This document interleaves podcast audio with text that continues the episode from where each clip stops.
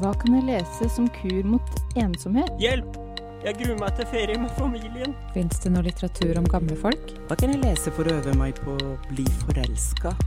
Sønnen min er så sjenert. Hva bør jeg lese for å forstå ham bedre? Jeg trenger bare å le. Hva leser vi? Et ungt ektepar i samlivskrise? Biblioterapi. Hjertelig velkommen til eh, Deichman Bjørvika. Jeg heter Kaja og jobber med program her på huset. Og det er en stor glede å ønske velkommen til eh, en ny episode. Dette er jo også en podkast av vår litteraturserie Biblioterapi. Har du selv et problem og ønsker råd, så går det an å kontakte oss og sende et brev til biblioterapi at deichman.no. Kveldens tema er altså adopsjon. Kan litteraturen hjelpe oss å forstå hvordan det er å være adoptert? Samtalen ledes av eh, bokhandler og journalist Ida Palin Bostadløkken, og hun vil presentere biblioterapeutene ytterligere. Så med det gir jeg ordet til Ida og til publikum. Riktig god fornøyelse. Takk. Ja, velkommen, Leila Torgersen. Du er eh, forsker ved Folkehelseinstituttet, hvor du bl.a. forsker på hovedsak adoptivforeldre. Ja. Og så er du utdanna psykolog. Og velkommen til deg, Anne Kyong-suk Øfsti. Du er eh, familieterapeut og forsker ved VID. Og så er du forfatter. Og det er jo i hovedsak derfor du er her i dag. Forfatter av en helt fantastisk roman. Og så er du podkaster, så dette passer bra. Til dere som er på biblioterapi for første gang, så fungerer det sånn at vi leser opp et eh, brev eh, som vi besvarer da ved å prate veldig mye om noen bøker. Det er jo ikke sikkert at det å lese bøkene kommer til å løse noen problemer. Det er ikke så enkelt. Men vi veit jo av erfaring av å ha lest masse, at det kan hjelpe, å, kan hjelpe oss til å stille noen bedre spørsmål og ha litt mer å tenke med. Så det er det som er målet med denne samtalen, da. Er dere klare for å høre kveldens brev? Mm. Kjære biblioterapeuter. Vi er foreldre til en datter som vi elsker. Hun er adoptert fra et land utenfor Europa, og hun kom til oss da hun var tre år. Som familier flest har vi naturligvis hatt en og annen utfordring. Men har i all hovedsak, sett fra vårt ståsted, hatt en god og nær foreldre-barn-relasjon. I høst fylte vår datter 16 år, hun har den siste tiden begynt å avvise oss som sine foreldre og uttrykker et sterkt ønske om å utforske sitt biologiske opphav. Vi vil så gjerne være bedre rusta til å komme henne i møte. Hva skal vi lese for å forstå datteren vår og det hun gjennomgår, bedre? Hvilke innsikter og nyanser kan litteraturen gi oss? Takknemlig hilsen fra en mor og en far. Ja, Anne, hva er dine første tanker eh, når du hører det brevet her? Nei, det første som eh, jeg blir opptatt av, er jo eh, for en smerte og for en uro og redsel disse foreldrene opplever. Altså de, de som Plutselig så blir det tematisert. Kanskje noe av det som man er mest redd for som foreldre, nemlig at barnet vender seg bort. Og i tillegg så, så kommer dette sånn typiske eh, adopsjonstema opp som en veldig sånn krystallisert. Det er noen som kanskje er mer mine foreldre, eller eh, noen er mye viktigere for meg enn dere. Sånn at det første jeg hører når jeg hører det brevet, er at jeg, jeg kjenner veldig sånn eh, sympati for at dette er en opplevelse som, som er veldig vanskelig. Og så for det andre så syns jeg det er en veldig sånn eh, god tilnærming. Eh, dette at de spør hva kan vi gjøre for å forstå mer, istedenfor at de sier hva skal vi gjøre for å få henne til å oppføre seg annerledes. Slutte å avvise. Ja. Ja. Leila, hva tenker du da når du hører dette brevet? Jeg følger jo deg på det meste av det du sier. Em, Det jeg også tenker på her, er jo at det de beskriver, er også en helt vanlig beskrivelse hos de aller fleste tenåringsfamilier. Bortsett fra at her er det adoptert. Så det å avvise sine foreldre, det å føle fremmedhet, det å begynne å se på hva er forskjellig fra, mellom meg og foreldrene mine, istedenfor hva som er likt, er veldig vanlig når man er 16. Så jeg tenker at Det som er viktig her, er at foreldrene forstår mer hva av dette handler om å være adoptert, og hva handler rett og slett om å være ungdom. Og så er jeg på en måte veldig enig med deg her, er at Det som er veldig viktig for foreldrene, er å tåle å bli avvist. Og forstå og vite hva er min redsel for å miste barnet. For den er nødvendigvis mye større hos adopterte enn hos andre.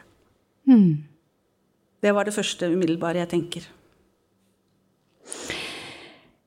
Det, det står jo her at den 16 år gamle jenta ønsker å utforske sitt biologiske opphav. Det kan kanskje være landet og, og eller eh, de biologiske foreldrene. Og det har jeg forstått etter å ha lest mye litteratur på temaet, at det er også gjerne et spørsmål man får hele livet. Vil, vil du reise? Vil du reise? Vil du reise? Så det høres eh, anstrengende ut å måtte forholde seg til det før man egentlig har begynt å forholde seg til det selv. Men nå er det da ei jente som vil det. Og det er også noe med det at det virker som at det innebærer å avvise For henne så innebærer det om å skyve adoptivforeldrene bort. for å, ja, altså det, er, det høres vanskelig ut for henne også. Altså man, man leser jo desperasjonen til foreldrene. Det høres ut som det var vanskelig å være den jenta. Dette med å ønske å oppsøke sitt biologiske opphav. Dere har jo valgt noen bøker til denne samtalen som begge to i stor grad handler om nettopp det. Vi kan jo begynne med eh, din bok, Anne. Som du har skrevet, og som vi skal snakke masse om. Det er den boka du har valgt. Fortell meg litt. Hva, hva handler den om? Ja, det er en, eh, en roman som jeg ga ut i 2014, som heter 'Si at vi har hele dagen'. Og den er jo et sånt stykke arbeid, sånn identitetsarbeid for min del, som nettopp handler om hvem er jeg, hvor hører jeg til, eh, hva kunne skjedd om livet mitt ble annerledes. Eh, den handler jo mye om om mødre og døtre. Altså dette her med, med nettopp dette spennet som jeg tror veldig mange adopterte, både innenlands- og utenlandsadopterte, kjenner på at jeg hører til flere steder. Og, og jeg har flere røtter. Og, og, vi lever jo i en kultur hvor dette med røtter er veldig sånn eh, Det skal være noe egentlig eller genuint. da. Og dette, kort fortalt, da, så handler det om, da om Rebekka, som da er eh, psykolog, og som har blitt adoptert til Norge, til Kongsberg. Eh, og, og, det som skjer, er jo da at hennes søster, som også er adoptert fra Korea, dør i kreft.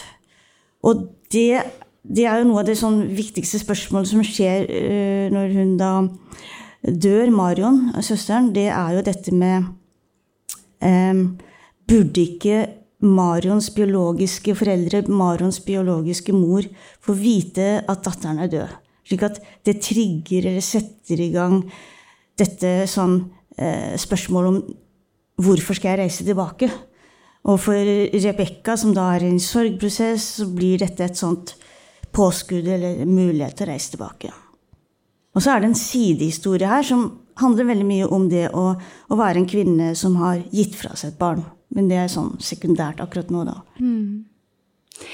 Jeg har litt lyst til å høre et uh, utdrag fra ja. romanen om nettopp det øyeblikket Rebekka bestemmer seg for å reise. Mm -hmm. det er på side 46 til uh, eh, 47. Ville mamma og pappas sorg vært annerledes hvis Marion var deres biologiske datter? Jeg tar et blåskjell og suger i meg fløtekraften som er blitt kald. Jeg vil aldri få et klart svar. Mamma og pappa ville protestert og blitt såret hvis jeg hadde spurt dem rett ut. Ligger det en instinktiv følsomhet overfor eget avkom? Et naturens sikkerhetsnett for opprettholdelse av liv? Ville jeg kjent sorgen i kroppen mørkere hvis jeg visste at Marion og jeg var biologiske søsken? Kanskje. Det finnes historier om eneggede tvillinger som bor på hver sin kant av verden og lever livet likt, selv om de har vokst opp i forskjellige kulturer og familier. Jeg kan ha en tvillingsøster som akkurat nå sitter og spiser blåskjell på en uterestaurant i Paris. Hun har på seg en hvit, røff bluse i linstoff, jeans fra Diesel og sitrongule Converse. Servitøren spør om jeg vil se dessertmenyen. Jeg rister på hodet og ber om et glass vin til. De to ved bordet mitt har fått hver sin matrett. Jeg hører moren si til datteren at det er blitt så tomt og stille der hjemme nå som hun har reist. Livets gang, sier moren og ser bort på meg. Jeg tenker at hun kanskje bor på en fruktgård med mange rom. Slik blir jeg sittende og fabulere. Så slår tanken ned meg. Moren til Marion, hvor er hun? Hva gjør hun akkurat nå? Sitter hun for seg selv og tenker på Marion? Er hun en av dem som oppsøker barnehjemmet med jevne mellomrom for å høre om det har kommet et brev, om det finnes et nytt? Fannyboy, har rett. Hun er kanskje hardt rammet, hardt som i syk, umulig kjærlighet, hvor alt er sluknet og det eneste hun lever for, er tanken på at Marion en dag skal dukke opp. Jeg må reise, jeg sier det halvhøyt, og hører i det samme innvendinger buldre, sterkest fra mamma, så fra Siri, min egen protest tordner høyest. Jeg vet ikke om jeg orker, er jeg sterk nok psykisk, hvordan kan jeg stå ansikt til ansikt med Marions mor? Og hvis jeg først reiser, må jeg ikke da i all anstendighet gjøre et forsøk på å finne min egen mor, hun som fødte meg? Sorgdagboka òg.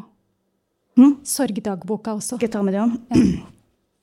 Det er litt til. Uh, vinglasset står urørt foran meg. Ta det, sier jeg og nikker til kvinnen fra Hardanger. Jeg går for å betale. Servitøren sier at hun skal komme til bordet mitt. Jeg har ikke tid til å vente, svarer jeg. Sorgdagbok. Marion, skal jeg reise? Skal jeg gjøre det nå? Fly av sted og finne frem? Skal jeg reise, Marion, for å fortelle det til mammaen din, si det som det var, og slik det ble? Mm. Ja, så det er jo det er litt av et drama å ta et sånt valg. Mm. Um, alle adopterte er like forskjellige som alle, og alle adoptivforeldre er like ulike som alle andre. Så sånn sett så går det jo ikke an å si noe sånn generaliserende her. Men si da at denne 16 år gamle jenta bestemmer seg for å reise. Mm. Rebekka i din bok reiser aleine. Mm. Maja Langvad reiser vel Nei, Astrid Trotzig, en annen bok som vi har lest, reiser aleine. Så det er jo sikkert vanskelig å finne ut av hvordan man, hvordan man skal gjøre en sånn reise. Og Rebekka i Si at vi har hele dagen reiser eh, alene. Hvis man skal tenke seg at disse foreldrene til den 16 år gamle jenta har lyst til å forberede henne litt på hvordan det kan bli å legge ut på en sånn tur. Hva, hva kan det tenkes at det kan være lurt å prate om? Ja, jeg tror jo at uh, noe av det viktigste er å forstå ambivalens. At uh, det verken er uh, eventyrlandet eller utopien, eller at uh, Uh, altså på den måten at nå faller alt på plass. Uh, og samtidig så, så, tror jeg det er viktig å, å forberede seg på at uh, man kan oppleve en sånn veldig, veldig dyp tilhørighet. Altså det er jo, Rebekka opplever jo begge deler, og det er det som er med, med romanen. At man kan liksom fortelle det at Oppleve både en sånn fremmedhet hun syns de andre koreanerne er rare, og hun skjønner ikke hva som står på skiltene. Og hun, hun lengter hjem og, og liksom vil ha brunost, nærmest. Men, og samtidig så, så, er det dette å, å, komme til et sted hvor alle ligner på deg, sånn som hun opplever det. Som er en sånn utrolig dyp eh, fysisk nytelse. Og jeg tenker at noe av det viktigste for øh, foreldre som eventuelt skal forberede seg, eller forberede seg sammen med et, et menneske som vil reise tilbake, en datter eller sønn, er jo det at det rommet, den muligheten å få lov til å reise og oppleve og føle akkurat det du føler, istedenfor å ha et sånn ideal eller idé om hvordan skal det være, og hvordan bør det være, osv. Det tror jeg er kjempeviktig. Det er en slags sånn både en sorgreise og en oppdagelsesreise, tror jeg. Mm. Leila, det ser ut som du har noen innspill. Det er, det er bra at du kom på jo, jeg, jeg tenker at Som foreldre så tror jeg det første man tenker et sånt spørsmål, er at man vil beskytte barna mot skuffelsen. Ja. De kommer til å oppleve. Antagelig så kommer de det. Den Tore på sporet-historien, Den lykkelige for gjenforeningen, eh, den er ofte ikke slik den er. Vi skal vel kanskje snakke mer om den boken etterpå. Så jeg tror at umiddelbart tenker foreldrene at vi må fortelle barna at dette kommer ikke til å gå bra, du kommer til å bli skuffet. Mm. Og det tenker jeg at det viktigste er at de ikke gjør det. Men at de snakker med barna og heller spør disse barna selv om hva de forventer. Hva slags forventninger de har. For jeg tror at mange adopterte er ganske ensomme med de tankene de har rundt det å være adoptert og ville reise, som også er et tema her og flere andre bøkene. Eh, fordi at de ikke kjenner så mange andre adopterte. Og de er redd for å snakke med foreldrene sine. Og jeg tenker at den boken din er på en måte en oppskrift for hvordan man skal møte barnas ønske om å reise. Ja, det var meningen. Ja.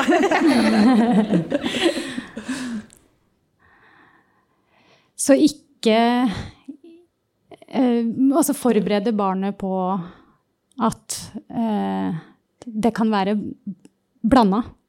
At man kan føle både på skuffelse og glede og ja, for det virker, Jeg vet ikke om jeg skal snakke om innholdet i boka. Ja. ja, det er alltid sånn vanskelig om vi skal, ja, skal fordi ja, For den er så veldig god på nettopp å si noe om hva de faktisk antagelig kommer til å møte. Ja, sant. Ja, det er veldig blanda. Jeg tror til og med Rebekka i eh, Si at vi har hele dagen sier sånn advarende til sin venninne Anne Lone på et eller annet tidspunkt der, der de er, begynner å nærme seg en situasjon, altså noen østerstykkere som kanskje kan kjenne den biologiske moren, eller kan ha kjent. Mm. Altså, da sier Rebekka sånn Ikke noe Tore på sporet-stemning nå! ikke sant? Ikke gjør dette til en scene. La mm. bare det som skal skje, skje. Men det er jo også i dette brevet så er det Avvisning er et ord her. Mm. Og det er jo Det er jo negativ følelse, og det er jo tydeligvis noe eller altså, det er i hvert fall negativt å bli avvist. Eh, og foreldrene oppfatter dette, at datteren har tydeligvis endra atferd. Og det kan jo ligne på, på sinne, eller eh, ja, noe inn, lukka, avvisende. Eh, og den boka som du har valgt, Leila, den går inn på de, på de følelsene der. Fortell meg, hvilken bok er det du eh, har med til oss i dag? Om din bok på en måte er en slags sånn bekjennelseshistorie som på en måte mm. viser eh, en litt sånn veldig vakker historie, dette her, så er dette her raseri. Ja, det er Hun er vred, den er dansk. Eh, jeg syns at den er utrolig god, og når jeg anbefalte den, så tenkte jeg kanskje etterpå at det kanskje ikke var så lurt allikevel. For det den gjør, er jo at den på en måte river ifra hverandre hele, hele det bildet man har mm. om hva det er å være adoptert. Jeg, før jeg sier mer om det, skal jeg bare lese et lite det sitatet Veldig gjerne. om The Matrix. Mm. Jeg regner med at mange av dere har sett The Matrix, den filmen. Hvor det er noen sånn elektrode, eller datamaskin som overtar hodet. Men det har ikke så mye å si. Det som jeg bare skal si også at Denne boka her, alle setningene starter med 'Hun er vred'. Og et av de hovedtemaene her er jo da hvordan Hun, hun snakker om seg selv i tredje person. For mye av temaet her handler jo om hvordan eh, andre tilskriver deg masse egenskaper. Hvordan du som adoptert alltid er et objekt for andres fordommer, for andres meninger, på en større grad enn mange andre. Mm. Og det Hun sier her da, hun er vred på seg selv over at først var jeg trådt ut av The Matrix som 20-åring. The Matrix er en betegnelse hun har hørt Andrew bruke, når de snakker om den prosess man som koreansk adoptert går gjennom. Det vil si, det er langt fra alle som går gjennom denne prosessen, men for dem som gjør det, sier Andrew, er det som å tre ut av The Matrix. Som koreansk adoptert vokser man opp med en forestilling om at man ble født den dag man ankom Kastrup lufthavn, eller for Andrews vedkommende i Los Angeles internasjonale airport, og at man like så godt kunne være sine adoptivforeldres biologiske barn. At slippe den forestilling kan være forbundet med både angst og sorg. Det svarer til, sier Andrew, at en kristen mister sin tro på Gud, eller en kommunist mister sin tro på marxismen. Det man opplever, er en eksistensiell krise, sier han, og tilføyer at man først er tatt ut av The Matrix, er det ingen vei tilbake. Eh, og når jeg valgte dette her, så er det jo at jeg tror at mange av de barna som vokser opp nå, vokser opp i en veldig annen tid enn før. Mm. Hvor, de helt, jeg, hvor, de hele tiden blir møtt med at de er adoptert. Stilt spørsmål til om de skal reise, hvor de kommer fra. Og denne litt vakre ideen man hadde før om noen som var snille og tok til seg et barn som ellers ville vokst opp på gata, det blir disse barna nå møtt med at sånn er det ofte ikke. Mm. De som er adoptert bort, ville ja. Ja. Fordi det er jo, den, den, boka her, 'Hun er vred', den handler jo eh, bl.a. veldig mye om det som hun kaller for transnasjonal adopsjon. Ja. Og det virker jo til å være en veldig vond oppvåkning å plutselig oppdage at dette fram til nylig i hvert fall har vært en industri. Det har vært mye penger i det, og det har vært veldig mange det har skjedd mange ting som ikke er greit. Og, og, så har det vært en del ukritiske foreldre på den andre siden som har hatt et bilde om at de har tatt imot et barn som ellers ville fått et veldig dårlig liv. Mye av dette viser seg jo ikke å stemme. Jeg tenker at hvis foreldrene, i stedet for at foreldrene her skal forstå seg på den 16-åringen, så er det jo fristende kanskje å si at også foreldrene må forholde seg til det valget de en gang tok. Hva tenker du om det, Anne, hvis du hadde hatt foreldrene i, i terapirommet? Ja, jeg, jeg, tenker at det er en sånn veldig viktig egentlig sånn ny idé eller ny kunnskap som, som jeg tenker er eh, Når du bryter en konvensjon eller gjør noe utenom normen eller det forventede, så, så følger det jo med Jeg pleier å si i terapirommet det følger med krav om ekstra relasjonell kompetanse. Altså det er litt sånn hvis du velger å leve med tre partnere istedenfor én, som jeg pleier å bruke som eksempel, så, så, krever det egentlig at du må ha mer relasjonell kompetanse.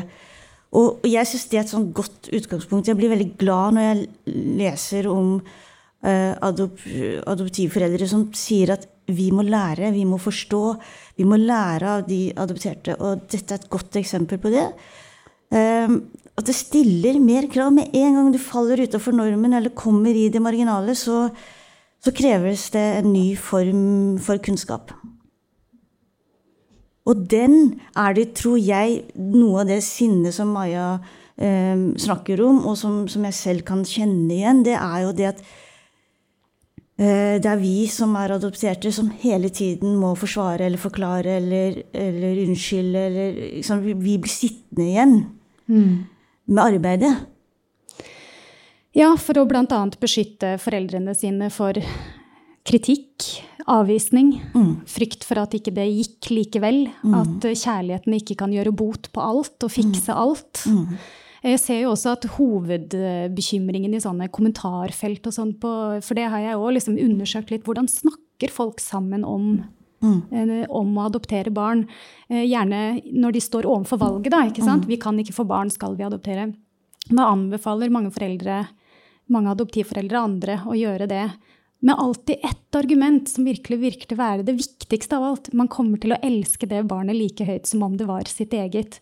Og det er noe litt sånn det er jo kjempefint. Og jeg ser jo også at i mange av disse bøkene så er jo det en tvil om kan man, kan man bli levert tilbake. sant? I, i Trotsits bok eh, 'Blod er tjukkere enn vann', så, så, er jo det at hun overhører moren si å, vi må levere henne til en ungdomsanstalt. Og da er det en sånn Det, det pirker borti en sånn dyp angst om at man kan bli levert tilbake. Fordi man en gang har blitt henta inn. Så jeg forstår at det er en viktig ting å understreke, men likevel så kan det virke som om at det peker på egentlig adoptivforelderens største frykt. Mm. Å nettopp ikke kunne klare det, og elske det. Ja. Uh, mm. Jeg tenker, tenker jo, du? nei, jeg tenker jo at, eh, at den store elefanten i rommet, som egentlig kanskje ikke er noe stor elefant lenger, er jo opplevelsen av rasisme. Ja. Og det er på en måte en sånn veldig vanskelig diskusjon vi har i Norge og andre land, for man tenker at rasisme handler om intensjon med det du sier. Men det er helt feil. For dette handler om opp, eh, opplevelsen. Eh, og tidligere så var det jo slik at du kunne vokse opp et sted på en liten bygd hvor du var den eneste som var adoptert, og alle visste at du var adoptert. Du så annerledes ut, det var ikke tema. Og du bodde der og vokste der, og det var på en måte aldri noe som ble snakket om. Men sånn som det er nå, hvor det er flere innvandrere, hvor det er flere variasjon i etniske samfunn, så tenker jeg at det å være adoptivforeldre handler om hele tiden Én ting er å forklare at du, at du elsker dem, men hele tiden bli konfrontert med at du har adoptert barna. Du får liksom ikke vært i fred. Du blir hele tiden spurt om du elsker dem, for alle ser at det er dine barn. Og som adoptert så blir du også hele tiden spurt hvor du kommer fra. Eller i boka så snakker hun på en måte om det å være adoptert som å være, fra Korea som å være en banan. Hvor de er hvit innenpå, innenfor, for de føler seg som hvit, men så er de gul utenpå.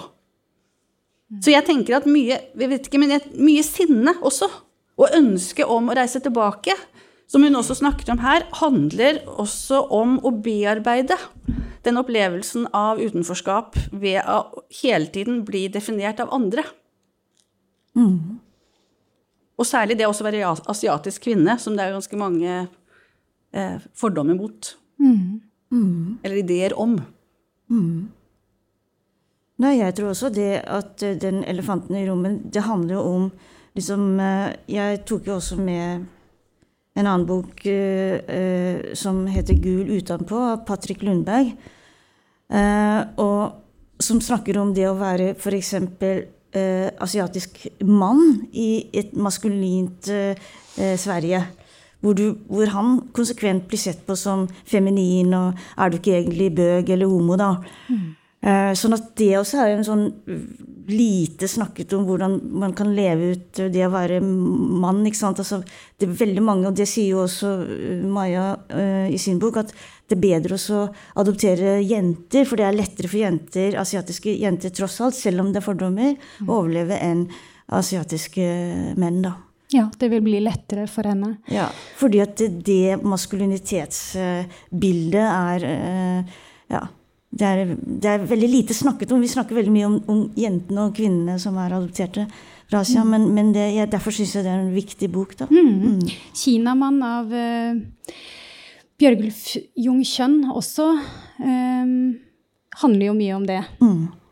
Eh, og, og tematiserer godt igjennom hele boka rasismen, men det gjør egentlig alle disse bøkene. Og det er jo nettopp som Leila sier, det, der, det er mye sånn uskyldige liksom, spørsmål hvem man heier på under VM. Plutselig er, er et spørsmål, sant? Heier du på Korea, eller, eller eh, å bli kalt ting, selvsagt. Men mm. også det at man ligner plutselig på absolutt alle andre som skulle komme fra Kina, Japan, Korea. ikke sant? Det, det er jo rasisme.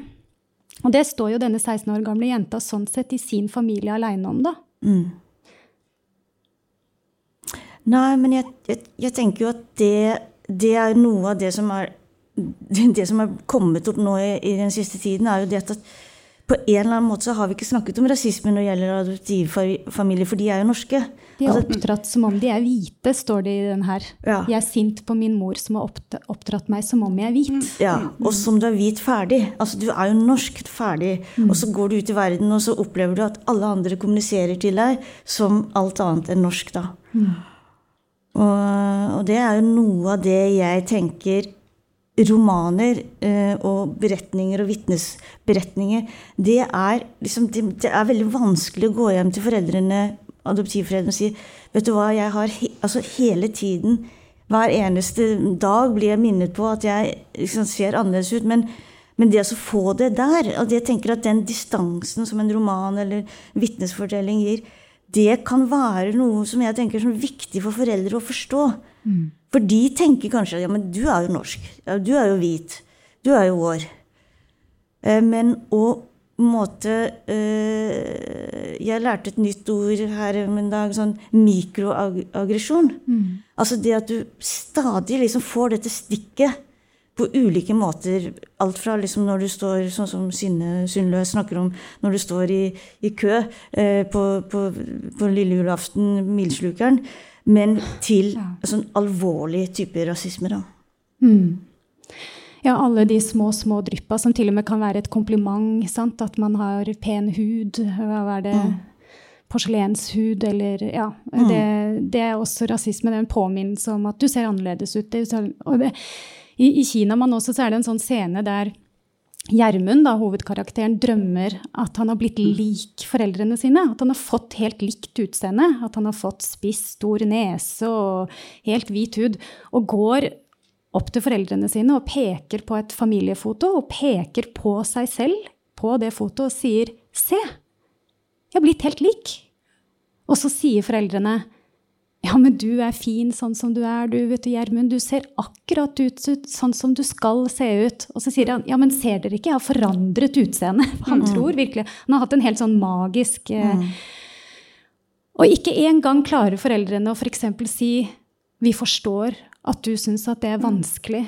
At du ser annerledes ut enn resten av familien, og at mm. det er noe du strever med, eller det er noe du tenker på. Og han mm. unngår jo også å se seg selv i speilet. Mm. Slår også blikket ned når han ser andre adopterte. Det nevnes i flere av disse bøkene. Hva, hva er det for noe, Anna? At man ikke vil se andre jeg, jeg, dette vet jeg veldig mye om. Sånn, ja. eh, fordi at eh, jeg vokste Jeg kom jo som en av de første Eh, til Norge i 1965. Så det begynner å bli en stund siden, og da var det jo ingen eh, i mils omkrets. Og jeg husker jo første gang eh, jeg var sånn spilte piano, så var det sånn noe som het elevkveld. Og det var liksom da på Viken folkehøgskole på Gjøvik. Og da samlet jo alle frøken Holter sine elever. Og der var det da en koreansk eh, jente på min egen alder. Og jeg jeg fikk altså, jeg bare forsvant på toalettet, og, og, de fikk meg ikke ut. For jeg, var, jeg ble helt paralysert. Uh, og jeg tror at det handler om uh, For min del så handler det om en påminnelse om hvor på en måte hvor, altså dette, jeg tenker barn trenger å sammenligne, og de holder på å sammenligne seg selv. Plutselig ser jeg noen som er helt lik meg.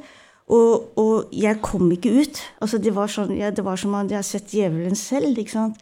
Og dette var jo veldig rart, for foreldrene mine sa er det ikke hyggelig å se en annen koreansk jente. ikke sant? Hun er jo veldig snill og søt. Så det var sånn, ikke snakk om at jeg ville se henne. Og det har jeg tenkt mye på, akkurat det som Brynjulf også snakker om, at behovet for å se seg selv som normal.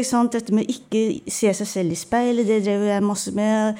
Ville ikke liksom se dette uh, annerledes Vil ikke se annerledeshet, da. Mm. Og jeg tror også det er uh, noe av det som gjorde som igjen til litteraturen, da, at dette å lese om andre som har den opplevelse at identitet er så veldig knyttet til utseendet, hjelper ikke at du, du, du liksom på en måte sier, Foreldrene dine sier at du er helt norsk.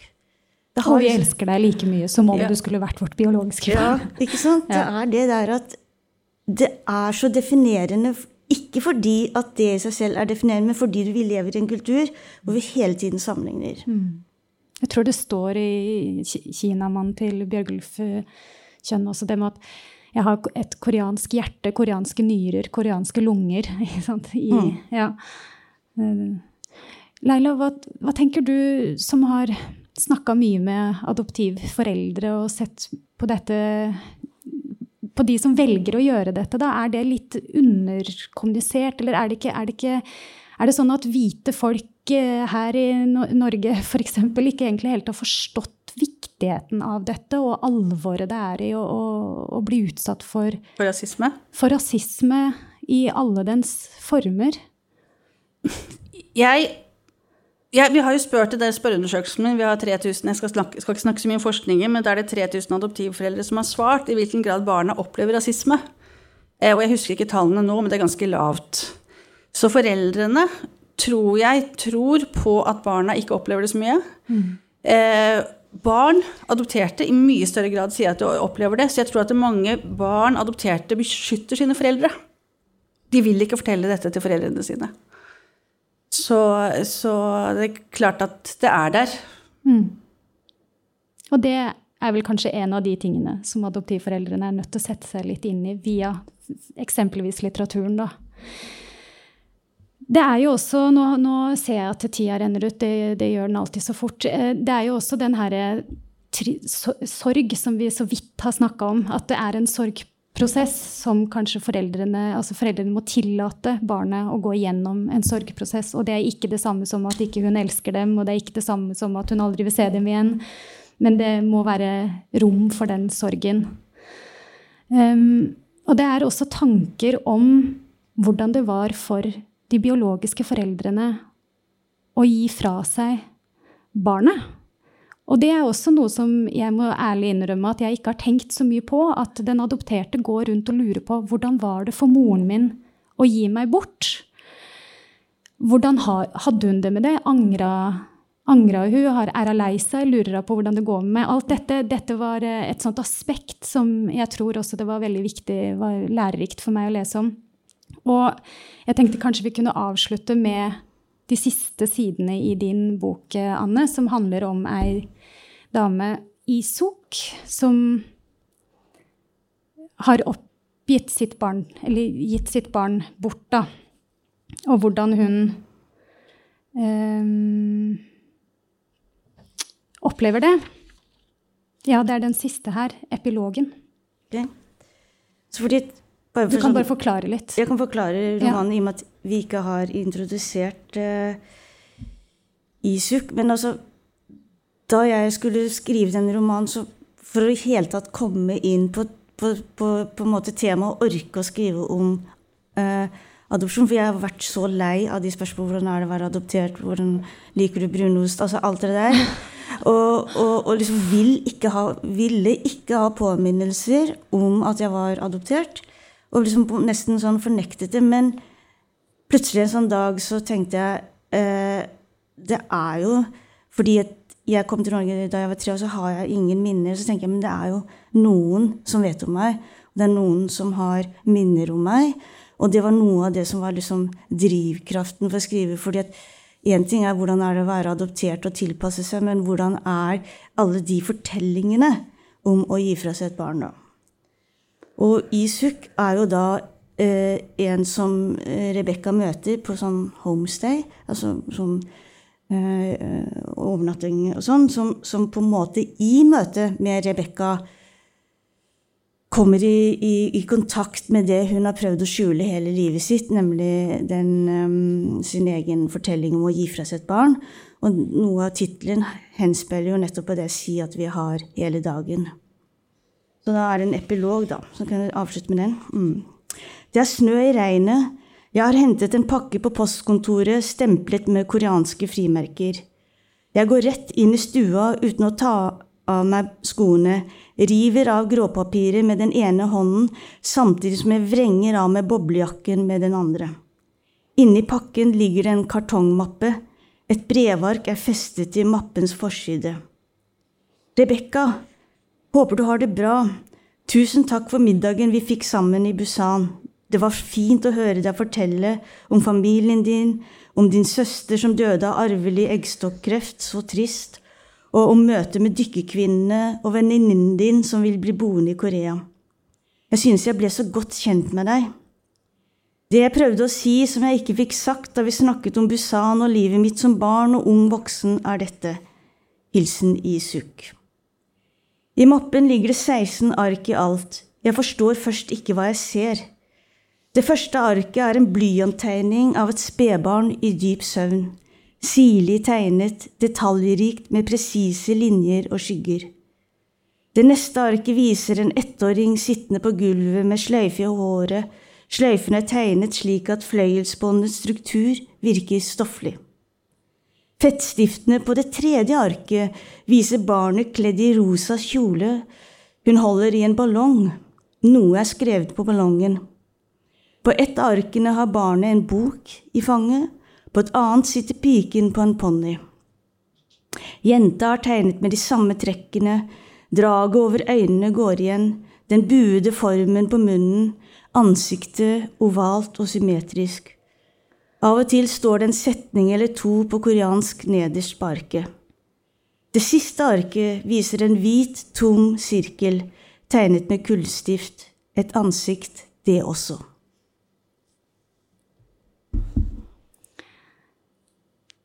Vi skal gi oss nå. Det var et veldig nydelig sted å avslutte. Men Leila, du skal få lov til å holde opp noen av de andre bøkene du mener at disse foreldrene kan ta med seg. bare sånn, Så vi kan bare gjøre det raskt, som et slags eh, bokras. Det, Ja, det er er, altså 'Hun er vred' Ja, det er den som jeg har snakket om. Eh, det lang, av Maja Li Langvad. Ja. Og så er jeg veldig glad i denne boka til Synne Sund Løs, 'Er du lykkelig, søster?' Eh, Veldig Den fikk jeg sagt veldig mye om også. Og så tok jeg meg med på tampen det Silje Førsunds bok 'En godt bevart hemmelighet', som nettopp kommet opp nå, som handler om nasjonal adopsjon. Fordi at jeg tenker ofte at det å sammenligne med sammenligne nasjonal og utenlandsk adopsjon er veldig god til å på en måte tydeliggjøre hva som er forskjellen. Ja. Det er noen likheter, og det er noen veldig store forskjeller. Og det er jo mindre og mindre og mindre av transnasjonal adopsjon av Ja, mange. Det kunne vi også snakket veldig mye om. I ca. en time om det òg, minst. Ja. Og har du lyst til å bare holde opp noen som du har lyst til å anbefale på tampen? Det, det er den samme, da. Den Oi. Er du lykkelig, søster? Og så er det denne gul utenpå som jeg syns er veldig viktig. Som handler om dette med eh, hjemreise, maskulitet, maskulinitet. Så er det jo den som du har nevnt. Blod er tjukkere enn vann. Astrid Trotsvik det er en av de første som kom. Og så er det jo da kommet et brev som jeg også tenker at en del både foreldre og adopterte kan eh, lese. Dette som heter 'Jeg ønsker deg et vakkert liv'. Brev fra biologiske mødre i Sør-Korea til barna de har adoptert bort. Og så er det to bøker som jeg selv har liksom hatt veldig glede av. Det ene er Åse Foss Abrahamsen 'Fint at ikke alle er like'. Og så er det Anne fra Bjørkeli som gjorde at jeg overlevde som barn. Å, det er koselig. Tusen hjertelig takk for denne veldig, veldig fine samtalen. Så får dere ha god lesning.